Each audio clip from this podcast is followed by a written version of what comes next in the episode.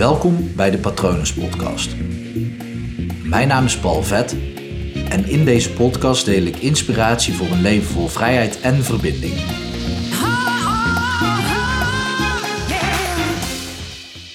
Als je een ouder bent, dan kan het wel eens voorkomen dat je je kind of je kinderen achter het behang zou willen plakken.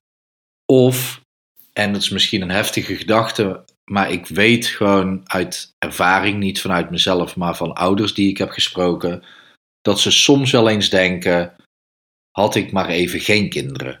En dat is een heftige, uh, heftige gedachte.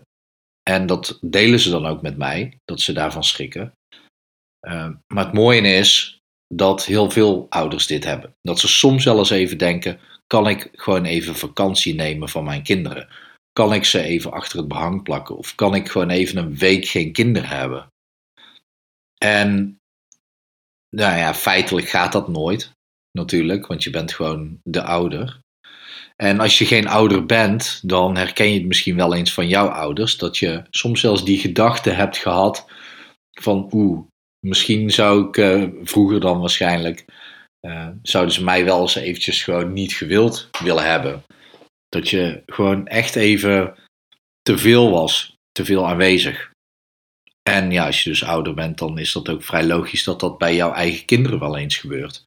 Want ja, als je één kind hebt, dan, uh, dan is die kans wat kleiner dan wanneer je er twaalf hebt natuurlijk. Aan de andere kant, als je er twaalf hebt, dan heb je er als het goed is inmiddels een aantal die ook voor elkaar kunnen zorgen. Maar het kan nou eenmaal gebeuren. En weet je, dit is eigenlijk een heel goed teken dat je dat op een gegeven moment denkt. Dat je denkt, ik wil even vakantie hebben van mijn eigen kinderen. Ik wil dat ze er even niet zijn. Of zelfs de gedachte, had ik maar geen kinderen gehad. En de reden waarom dat goed is, en dit is best een beladen onderwerp, want welke ouder denkt dat nou? En wie zegt dan helemaal ook nog dat het iets goeds is dat je dat denkt? Of zelfs dus durft uit te spreken richting mij of in uh, vertrouwelijke situaties met vrienden of met andere therapeuten natuurlijk, dat kan ook. Het betekent dat je jezelf op de eerste plaats zet. Het betekent dat je zelfliefde hebt.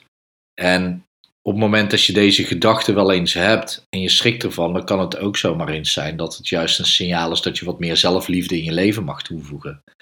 En eigenlijk is het dus een hele gezonde gedachte. Ge, uh, geen zondige gedachte, een, een gezonde gedachte. Want ja, laten we eerlijk zijn, soms kunnen kinderen ook gewoon het bloed onder je nagels vandaan halen. Dan kunnen ze gewoon echt zo, zulke pain in the asses zijn, dat je ze gewoon echt even achter het bang wil plakken. Dat is hartstikke logisch, toch? En natuurlijk hou je zielsveel van ze.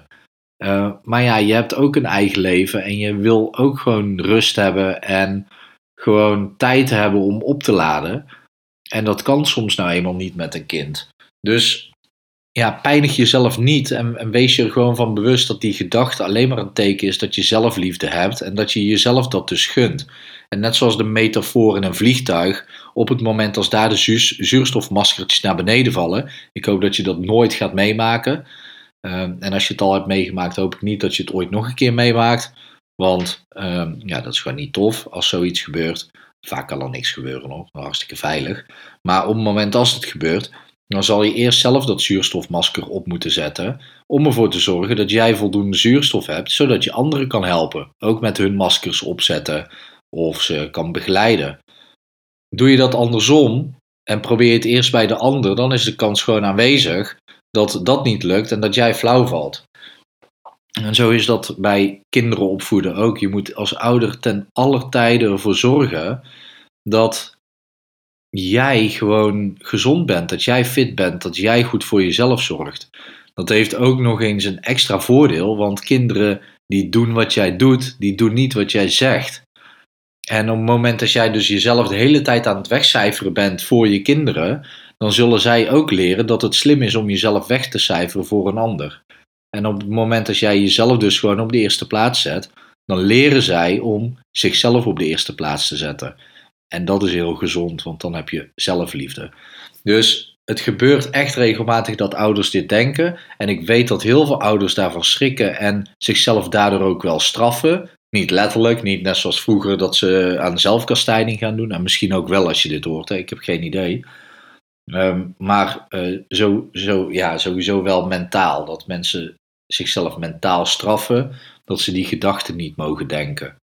En ja, misschien is het dus juist een goed teken, of het is sowieso een goed teken dat je denkt, want dat betekent dat je zelfliefde hebt. En het is misschien ook gewoon een teken dat je iets meer zelfliefde in je leven mag toevoegen.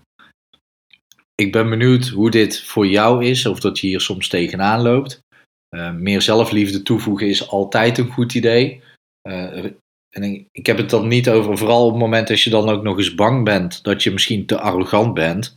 Het feit dat je dat al zou bedenken bij zelfliefde betekent dat je nooit arrogant zal worden en dat je juist des te meer zelfliefde nodig hebt. Maar mocht je hier meer over willen weten of hier iets over kwijt willen of hulp bij kunnen gebruiken, stuur me een mail naar patronen.palvet.com en je kan natuurlijk ook op mijn website kijken www.hypnopal.nl of palvet.com uh, wat ik voor jou kan betekenen. Ik hoop dat het goed met je gaat. Ik hoop dat het goed met je kinderen gaat. Ik hoop dat het goed met je ouders gaat. Ik hoop dat het goed met alle, al jouw dierbaren gaat. En ik wens je nog een hele mooie dag toe.